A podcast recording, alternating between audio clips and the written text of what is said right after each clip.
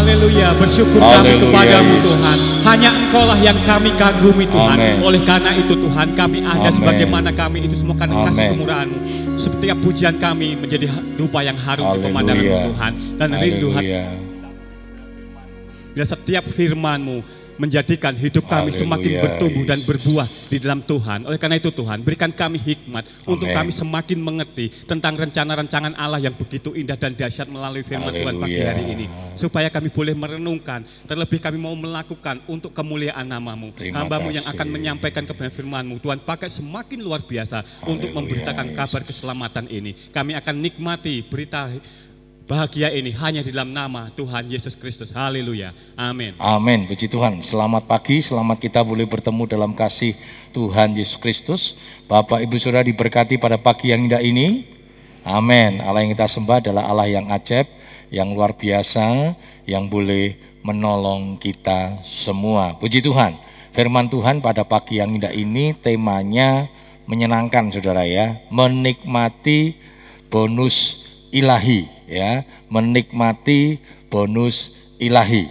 Ya, saudara yang namanya bonus itu kan menyenangkan saudara ya.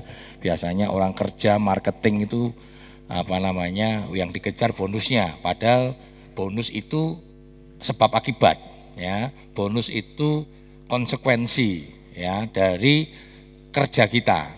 Kalau tidak mencapai target ya nggak dapat bonus saudara ya. Banyak orang salah ya. Jadi yang penting sebenarnya bukan bonusnya, kejar dulu sampai target. Soal bonus urusan urusan belakang sudah ya. Jadi bonus itu sesuatu yang menyenangkan. Nah, mari kita sama-sama melihat dulu di dalam Matius 6 ayat 33. Matius 6 33 saya undang kita bangkit berdiri, kita akan membaca bersama-sama ya. Matius 6 33 kita akan baca bersama-sama.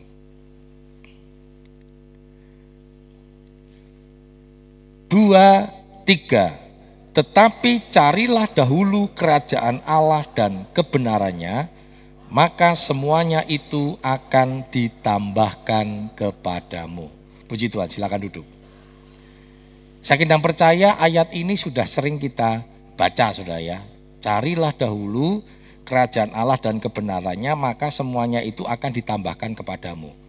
Ayat ini ya eh, satu ayat yang juga menjadi konklusi sebenarnya 33 dan 34 dari eh, Matius 6 ayat 25 hingga 34 yang berbicara tentang kekhawatiran. Ya, kita tahu ayat-ayat sebelumnya dimulai dengan bicara tentang kekhawatiran. Kekhawatiran tentang apa yang dimakan, apa yang diminum, apa yang dipakai. Jadi ternyata khawatir tentang kebutuhan hidup itu sudah terjadi jauh sebelum kita pada zaman Tuhan Yesus juga sudah mengalami orang-orang yang khawatir tentang masalah-masalah ini. Jadi persoalan-persoalan ekonomi sebenarnya menjadi persoalan dari masa ke masa ya, dari masa ke masa persoalan ekonomi. Nah, itu yang Tuhan Yesus akhirnya memberikan satu pemahaman kepada kita nanti kalau kita lihat ayat di atasnya ya, dikatakan burung di udara aja tidak memintal ya, tidak menabur dipelihara oleh Tuhan. Apalagi kita. Nah, apalagi kita itu artinya begini, eh kalau gitu enak aja ya, wong burung ora nyambut gawe diopeni wis rasa nyambut gawe salah Saudara ya. Hakikat manusia itu bekerja ya, hakikat manusia itu berkarya. Burung yang tidak bekerja saja diopeni sama Tuhan, apalagi manusia kalau kita mau berkarya pasti diopeni oleh Tuhan. Tapi kalau nggak mau berkarya ya jangan harap diopeni sama Tuhan. Makanya firman Tuhan katakan apa? Kalau tidak mau bekerja jangan kamu makan. Dengan lain kata kalau dibalik kalau mau makan harus bekerja gitu ya. Kalau mau makan harus bekerja. Nah, ini yang yang kalau kita lihat lalu diceritakan di situ bagaimana pemeliharaan Tuhan. Akhirnya Tuhan ngomong begini Saudara ya. Carilah dahulu kerajaan Allah dan kebenarannya, maka semuanya akan ditambahkan kepadamu. Cari kebenaran ini bukan berarti Saudara sekolah Alkitab jadi pendeta karena pendeta belum juga hidup dalam kebenaran Saudara.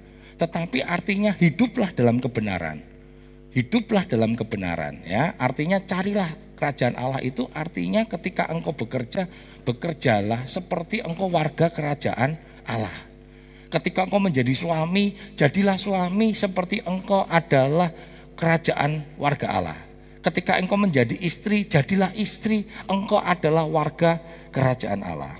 Ya. Nah kita lihat bersama-sama apa yang dimaksud kerajaan Allah itu. Ya, mencari kerajaan Allah dan kebenarannya artinya yang pertama hidup melakukan firman Tuhan.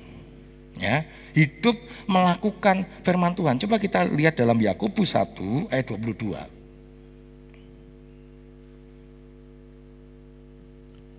Yakobus 1 ayat yang ke-22 demikian firman Tuhan.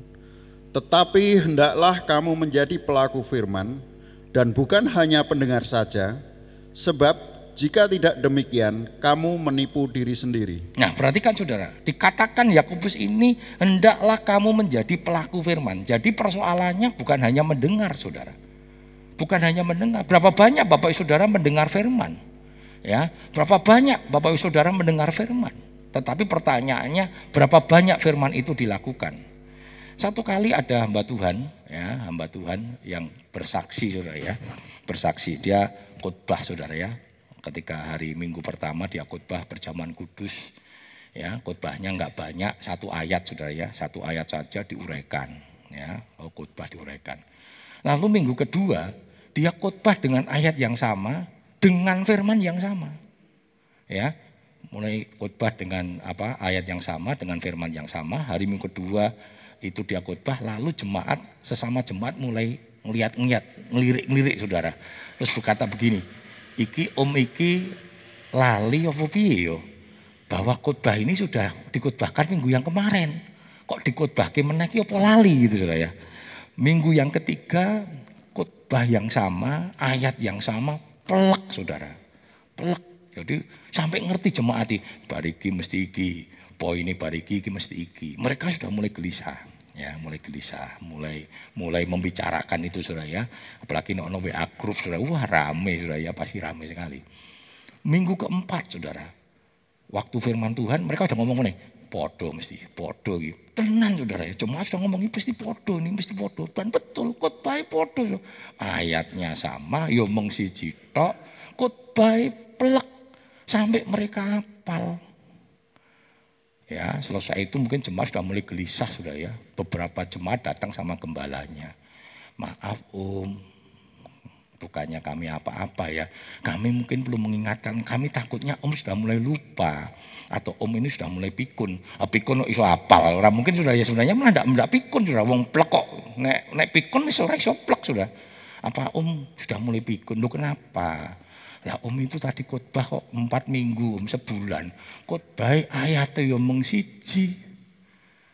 Terus khotbah podo. Oh, kok itu terus lah minggu depan apakah om akan khotbah yang sama? Iya katanya. Wah dia kaget. Duh kok gitu om? Ya kami mohonlah om khotbah sing beda kata gitu. Si, saya mau tanya sama kalian. Kalian sudah hafal enggak? Hafal khutbahku apalah coba poin si apa? Hafal lu om sampai kami hafal. Lalu pertanyaannya ayat ku mau, firman mau, wis mbok no hurung. Kalian sudah melakukan firman yang saya ajarkan selama empat minggu. Sing kalian apalke, apakah kalian sudah lakukan? Ya itu om, belum. Wong siji hurung mbok lakuke, apalagi saya akan kasih kamu firman yang banyak. Wah basir, lakukan dulu nanti saya banyak tak ganti sudah. Wah luar biasa ini pendeta ini yo tetap juga sudah, meh ngetes jemaatnya saudara. Saya nggak tahu minggu kelima kalau tetap minggu keenam bubar gitu. Mungkin sudah ya karena tapi dia nggak nggak nggak melanjutkan itu. Dia hanya bersaksi. Saya tidak tahu apakah itu realita atau tidak. Tetapi itu juga bagus juga sudah. Dia bertanya. Lo pertanyaan kita pertanyaan yang saya mau saya sampaikan saat ini mungkin podo saya. Saya pinjam pertanyaan tadi. Berapa banyak firman yang saudara sudah sampaikan? Saya ini selalu banyak firman, banyak ayat. Kalau Bapak sudah amati ya. Saya kalau menyampaikan firman itu selalu banyak ayat. Ya, kalau belum pandemi bisa 10 12 ayat sudah. Bosen-bosen sudah ya. Tapi pertanyaannya, dari sekian ayat, dari sekian firman yang sudah Bapak Ibu dengar, berapa banyak yang Bapak Ibu sudah lakukan? Jadi yang penting itu bagaimana kita melakukan firman Tuhan. Itu bicara tentang kerajaan Allah. Kerajaan Allah itu bicara firman. Amin. Kerajaan Allah itu bicara firman. Kenapa? Karena kita belum sampai pada kerajaan Allah. Kita bisa mendengar tentang kerajaan Allah, berita tentang kerajaan Allah, kondisi kerajaan Allah, apa itu kerajaan Allah melalui fir, firman. Firman itu siapa? Firman itu Yesus. Yesus datang ke dalam dunia kan. Firman itu telah menjelma menjadi daging. Dan firman Tuhan katakan Yohanes 17 ayat 17, kuduskanlah mereka dalam kebenaran karena firmanmu itu adalah kebenaran. Mari kita belajar melakukan firman. Rasa golek bonus sih, saudara. Cari kerajaan Allah, cari kerajaan Allah itu yang melakukan firman Tuhan. Saudara kalau melakukan firman Tuhan, enggak usah mikir, saudara. Loh, saudara yang pernah kerja ya di sini marketing, saudara, yang kerja marketing. Betul nggak saudara? Apakah saudara nuntut perlu nuntut ke perusahaan bahwa saudara sudah mencapai target sehingga harus mendapatkan bonus? Kan enggak tuh. Yang penting sudah kerja dulu kan. Ketika mencapai bonus lebih dan sebagainya, perusahaan itu enggak bonusnya itu. Ngitung sudah, enggak usah saudara. Tapi sambil yang pikir ke bonus itu sudah enggak kerja. Enggak usah mikirkan itu. Karena itu urusan Tuhan. Rasa mikir ke bonus. Rasa mikir ke tambahannya. Fokusnya saudara adalah mencari kerajaan Allah dan kebenarannya dulu. Nek marketing kan mencari klien, mencari konsumen sebanyak-banyaknya kan gitu saudara ya. Tetapi cari kerajaan Allah. Nah kerajaan Allah itu apa? Melakukan firman Tuhan. Nah ini kan masalah. Jadi persoalannya itu sering kali bukan mendengar. Tetapi melakukan. Nah, firman Tuhan, firman Tuhan katakan Saudara, orang yang hidupnya melakukan kehendak Tuhan atau melakukan firman Tuhan, ya itu dikatakan dia berbahagia, Saudara. Coba kita lihat dalam Lukas 11 ayat 27 hingga 28. Lukas 11 ayat 27 28. Demikian firman-Nya. Ketika Yesus masih berbicara Berserulah seorang perempuan dari antara orang banyak dan berkata kepadanya, Berbahagialah ibu yang telah mengandung engkau dan susu yang telah menyusui engkau. Tetapi ia berkata, yang berbahagia ialah mereka yang mendengarkan firman Allah dan memeliharanya. Nah, perhatikan saudara, ini kan pada waktu Yesus sedang berkhotbah saudara. Ya, waduh semua tertarik, semua begitu simpati dengan khotbahnya Yesus. Lalu mereka ngomong begini wah berbahagia ibu E sing lahir ke sing nyusui. Memang pasti saudara ya kalau kita punya anak yang begitu membanggakan pasti kita ikut berbahagia. Tetapi yang Tuhan tekankan bukan itu. Yang berbahagia itu adalah orang yang mendengar ya Buat apa dia sampaikan firman Tuhan kalian terkagum-kagum. Tuhan maunya begini saudara. Tuhan Yesus maunya begini. Bukan kamu terkagum sama orang tuaku. Tetapi terkagumlah ketika engkau mendengar firman Tuhan dan melakukan. Firman Tuhan juga bukan hanya sekedar untuk dibicarakan, untuk didiskusikan. Ya, sekarang banyak WA group, banyak sosmed ya. Saya sering kali lihat saudara ya, wah banyak mereka memperdebatkan firman Tuhan. Ya, kelihatannya apik mendiskusikan, tapi akhirnya memperdebatkan. Firman Tuhan kok diperdebatkan? Firman Tuhan nggak usah diperdebatkan. Sudah ikuti aja firman Tuhan selesai. Kan ramai sudah ya. Saya sering kali ditanya sudah ya sama apa namanya apa eh, di grup gitu ya. Ya, pertanyaan apa gitu ya tentang tentang terjadinya apa pemahaman-pemahaman teologi lalu di apa ya istilahnya di di add gitu sudah ya add uh, Pak Agus, Pak ini gimana pendapatnya? Ah, saya gelem, saya nggak mau. Ngapain gitu ya? Nah, nanti rame, wah pendapat saya begini, itu firman Tuhan kok. Yang penting itu laku no aja, rasa diperdebatkan, ya. Sekarang kan banyak firman Tuhan diperdebatkan. Lakukan saja rasa diperdebatkan. Saya nggak mau sudah. Kecuali kalau mau mau mau diskusi datang ya, datang ke rumah ayo kita diskusi. Saya ikuti diskusi. Nggak apa-apa, tapi diskusinya bukan untuk memperdebatkan firmannya, tetapi diskusinya bagaimana firman itu bisa tidak kita lakukan dalam kehidupan kita. Karena itu yang penting. Dan orang yang semacam ini yang melakukan yang berbahagia. Nek ngomong tok orang tidak akan pernah berbahagia. Yang melakukan firman Tuhan itu berbahagia. Ya, masih ingat firman Tuhan di dalam Mazmur pasal yang pertama dikatakan apa? Berbahagialah orang yang tidak begini, tidak begini, tidak begini. Yang kedua yang merenungkan firman Tuhan itu yang kesukaannya firman Tuhan dan merenungkan firman Tuhan itu siang dan malam. Berbahagia sudah. Kenapa? Karena ketika engkau hidup melakukan firman Tuhan, engkau diproteksi oleh kebenaran firman Tuhan. Dan hidupmu pasti berbahagia. Ya, hidup pasti berbahagia. Jadi kalau ada hidupnya tidak berbahagia, coba cek dan dicek koreksi hidupmu. Sudahkah engkau melakukan firman Tuhan? Ya. Yang kedua, apa itu kerajaan Allah dan kebenarannya? Kebenarannya. Yang kedua adalah kerajaan Allah itu bicara tentang perkara-perkara kekekalan ya perkara-perkara kekekalan. Coba kita lihat dalam Kolose 3 ayat 1 sampai 2. Kolose 3 ayat 1 dan 2. Karena itu, kalau kamu dibangkitkan bersama dengan Kristus, carilah perkara yang di atas, di mana Kristus ada, duduk di sebelah kanan Allah. Pikirkanlah perkara yang di atas, bukanlah yang di bumi. Perhatikan saudara, firman Tuhan katakan, pikirkanlah perkara-perkara yang di atas. Perkara yang di bumi bikin stres, betul nggak saudara? Kan kan dikatakan, jangan kamu khawatir tentang apa yang kamu makan, apa yang kamu minum, apa yang kamu pakai. Ini sebenarnya kebalik. Nanti firman Tuhan ngomong gini, yang penting itu kan sebenarnya hidup. Bukan pakaian, bukan makanan, bukan minuman. Yang penting hidup. Apa artinya? Makan minum itu untuk menopang hidup.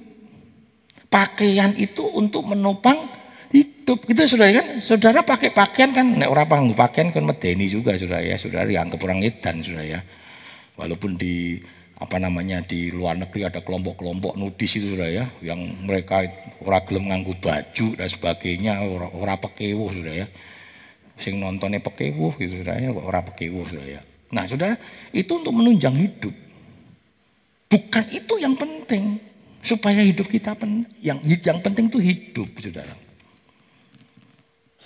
Berapa banyak kita khawatir orang iso mangan. Padahal kita masih bisa makan. Betul nggak saudara? Wah sudah khawatir untuk sesuatu yang sebenarnya saudara masih bisa lakukan dan Tuhan masih pelihara kita. Toh saudara bisa makan sampai hari ini. Amin. Ngomong pong pindu om, ora popo pong pindu yo si kuat toh, ya toh. Pong pindu ning waduh ya kaya gunung menjulang tinggi ya.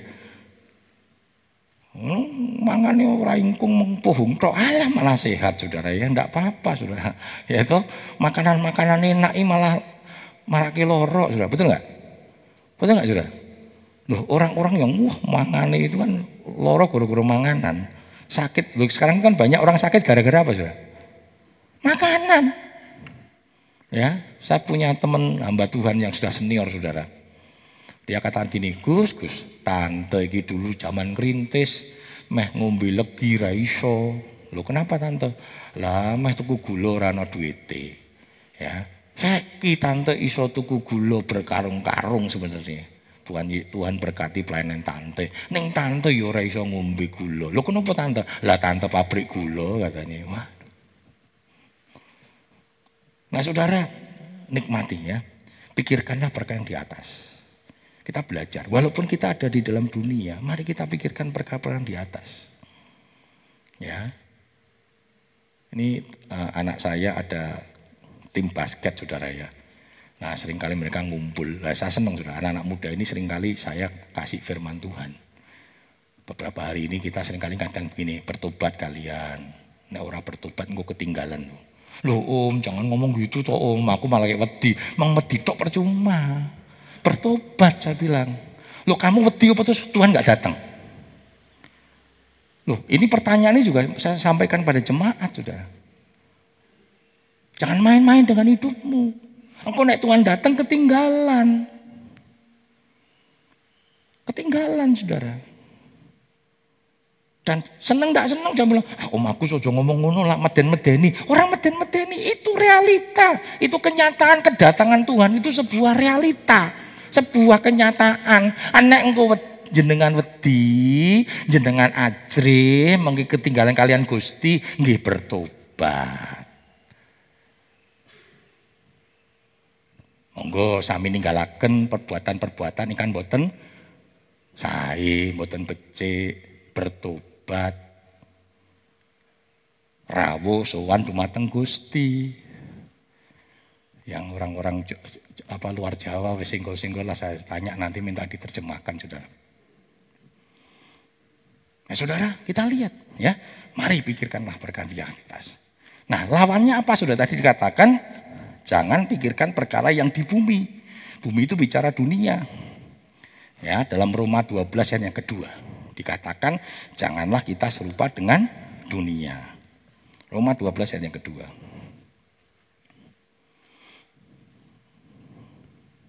Roma 12 ayat yang kedua.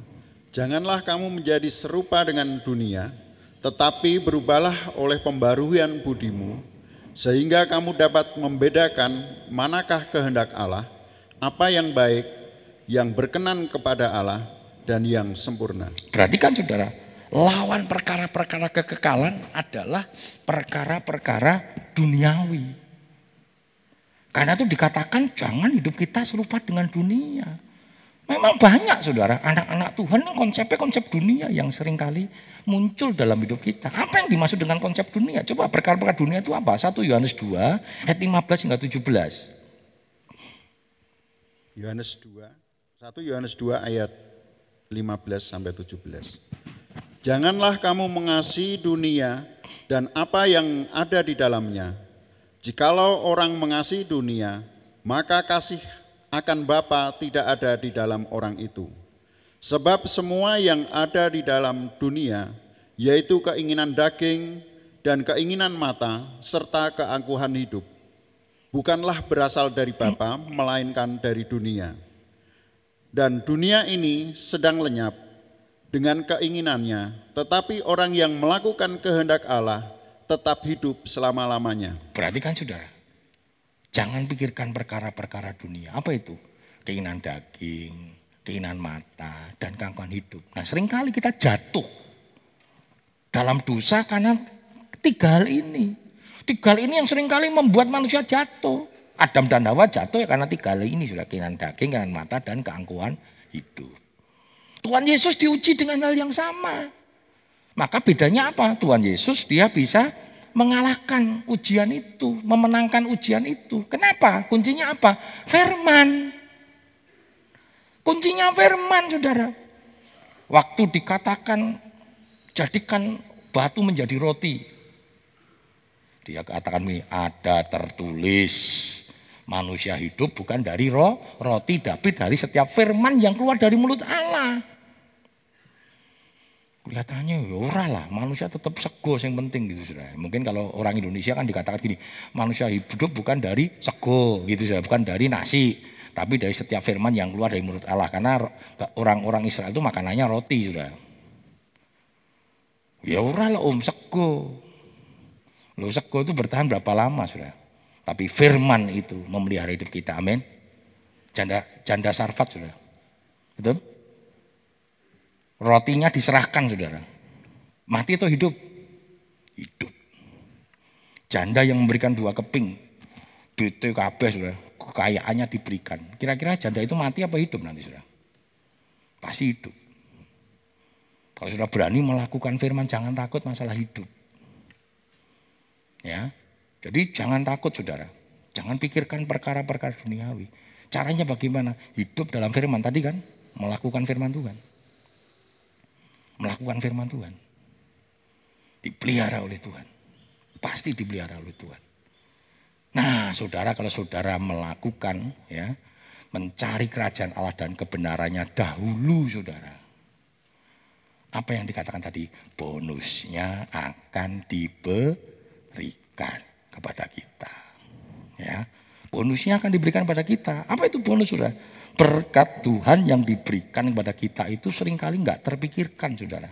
Tapi Tuhan sanggup berikan. Coba kita lihat 1 Korintus 2 9. 1 Korintus 2 ayat yang ke-9. Tetapi seperti ada tertulis, apa yang tidak pernah dilihat oleh mata dan tidak pernah didengar oleh telinga dan yang tidak pernah timbul di dalam hati manusia, semuanya yang disediakan Allah untuk mereka yang mengasihi Dia. Perhatikan saudara. Dikatakan begini, carilah kerajaan Allah dan kebenarannya, maka segala sesuatunya akan ditambahkan. Kata tak ditambahkan itu berarti kita kebutuhan standar kita sudah dicukupi belum saudara?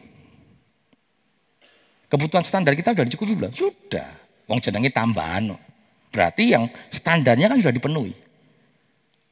Lalu Tuhan tam, tambahkan. Jadi jangan takut. Kebutuhan standar kita Tuhan akan penuhi sudah. Bahkan ketika engkau cari kerajaan Allah dulu sudah. Berani cari kerajaan, berani melakukan firman Tuhan. Memikirkan perkara-perkara kekekalan. ya Tidak serupa dengan dunia. Maka Tuhan akan tambahkan. Itu menjadi tambahan saudara. Kalau Bapak Saudara mau berkata jujur, ketika engkau sungguh-sungguh sama Tuhan, apa yang kau hadapi hari ini, apa yang kau terima hari ini, itu jauh melebihi apa yang kita pikirkan. Apa yang saya terima sampai hari ini, saudara? Apa yang Tuhan berikan saya sampai hari ini, itu lalu saya katakan, itu di luar ekspektasi saya. Di luar apa yang pernah saya pikirkan saya nggak mikir no saudara, sampai Tuhan itu berikan. Saya nggak mau mikir saudara. Makanya jujur saudara. Kalau sering kali ditanya begini, Pak Agus, pergumulan doa ini ngopo? Jujur saya kadang bingung saudara. Kadang saya itu mek jaluk sama Tuhan itu minta sama Tuhan itu ada rasa pekewuh sudah. Walaupun nggak masalah sudah sudah minta saja. Tapi kenapa saudara? Karena apa yang urung saya minta aja Tuhan sudah kasih. Betul. Jadi Tuhan tuh mikirkan kita sampai kebutuhanmu. Jadi jangan pernah gini sudah. Mbak Tuhan tuh kayak hanya peradul. Tuhan ini aku ini. Percayalah sudah. Apalagi tadi waktu hari Rebu di kaum pria saya katakan jangan pernah mempertanyakan firman. Berapa banyak kita sering kali mempertanyakan firman. Oh Tuhan, Katanya kau berkati. Bukti nih, wah saudara, waduh itu nyakiti saudara. Berarti saudara tidak percaya bahwa Tuhan itu berkarya dalam hidup kita. Jangan tanya saudara, mempertanyakan firman. Yang kita tanyakan adalah sudah melakukan firman urung. Wong belum melakukan firman. Lah sudah om. Tapi melakukan firman Tuhan hanya bagian-bagian tertentu. Bukan itu. Seperti Nuh itu loh. Menjalankan firman tepat tidak dikurangi, tidak dilebihkan. Nah kalau bagian kita kita kerjakan saudara. Tidak usah nuntut bagian Tuhan. Tuhan tuh ngerti memberikan bagiannya. Dan sekali lagi saya katakan, jangan pernah mempertanyakan keakuratan, kebenaran firman Tuhan. Itu sama saja sudah tidak percaya kepada Tuhan. Kalau sudah tidak percaya sama Tuhan, sama saja sudah tidak melakukan firman. Karena firman Tuhan pasti memelihara hidup kita. Amin. Amin. Tuhan pelihara, saudara. Apa yang tidak kita pikirkan Tuhan kasih, saudara. Tuhan kasih. Perjalanan hidup saya dari sejak remaja sampai hari ini. Saya bukan dari keluarga yang mampu, saudara sebenarnya. Kadang saya hanya pengen gini, Tuhan Aku pengen gitar, rasanya ngape-ape wae. Sing penting iso nglayani. Tuhan kasih gitar sing baik. Dan terlampau banyak. Masih ingat kan? Saya pernah dikasih kulkas itu waktu nikah. Lu kan saya nggak pernah mikir sudah. Saya nggak pernah mikir sudah. Bagi kami waktu itu iso duit kulkas tuh waduh barang mewah itu. Kami perintisan. Tapi sudah Tuhan kasih dan itu yang tidak saya pikirkan kan. Teman saya waktu ngasih bilang, Gus senenganmu kan banyu es. Karena dia tahu nek neng Jakarta saudara ya di, di tempat praktek kami nggak ada kulkas sudah. Nek pengen banyu es saudara, saya beli beli apa es batu tak kepruk masukkan termos.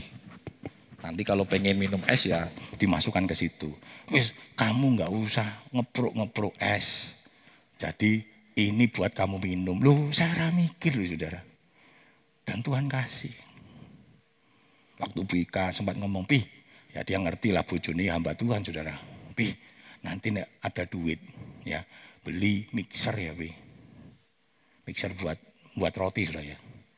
Yo, nggunain duit-duit beli. Saudara nggak sampai satu minggu saudara. Ada orang kirim waktu kami nikah dia nggak bisa datang. Lalu dia bilang, sorry yo, Gus aku rasa teko. Aku gak ngirim kado ya saudara. Boleh tanya begini saudara. Saya bilang, oh orang mau undanganku ini, ya toh. Undangan ini kan dikatakan karangan bunga coret, gitu sudah ya. Kado coret, uang yes kan gitu sudah ya. Enggak tahu. Sekarang apakah masih begitu sudah ya? Dikai tondo ya. Dulu kan nek, nek mantenan lah kado gue nyumbang selama bertahun-tahun itu cukup saudara ya. Wah, makanya dulu kalau kalau mantenan kan harus bawa karung-karung sudah ya. Engkau gue kado-kado yang namanya gelas, yang namanya piring, yang namanya jam sampai numpuk tuh.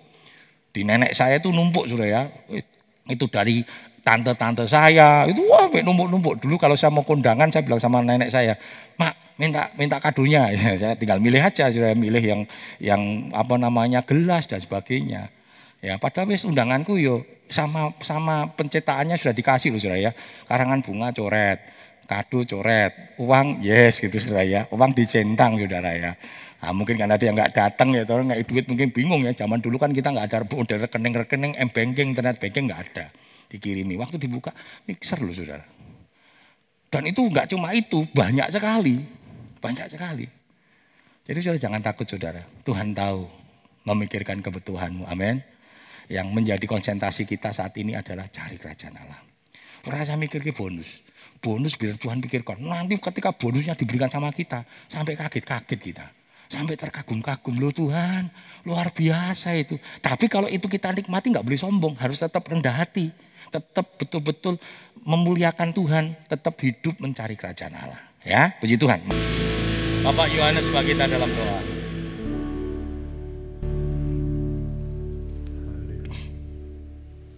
Syukur kami naikkan buat kebaikan dan kemurahan-Mu ya Bapak.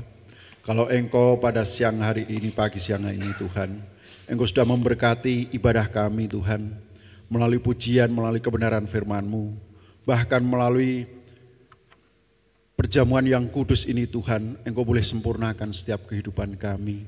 Itulah yang menjadi kerinduan kami untuk kami hidup sama dengan Yesus. Berkati hambamu yang sudah menyampaikan kebenaran firman-Mu ya Bapa. Pakai tambah hari tambah heran Tuhan, nama Tuhan dipermuliakan. Tuhan memberkati kami semua pada pagi hari ini. Biarlah nama Tuhan selalu dipuji dan dipermuliakan. Engkau juga memberkati uh, saudara-saudara kami yang sakit, Engkau sudah sembuhkan. Yang lemah Engkau sudah kuatkan melalui kebenaran firman-Mu, melalui perjamuan-Mu yang kudus ini ya Bapa. Dan segala sesuatu kami memperoleh jawaban yang pasti daripada Engkau ya Bapa.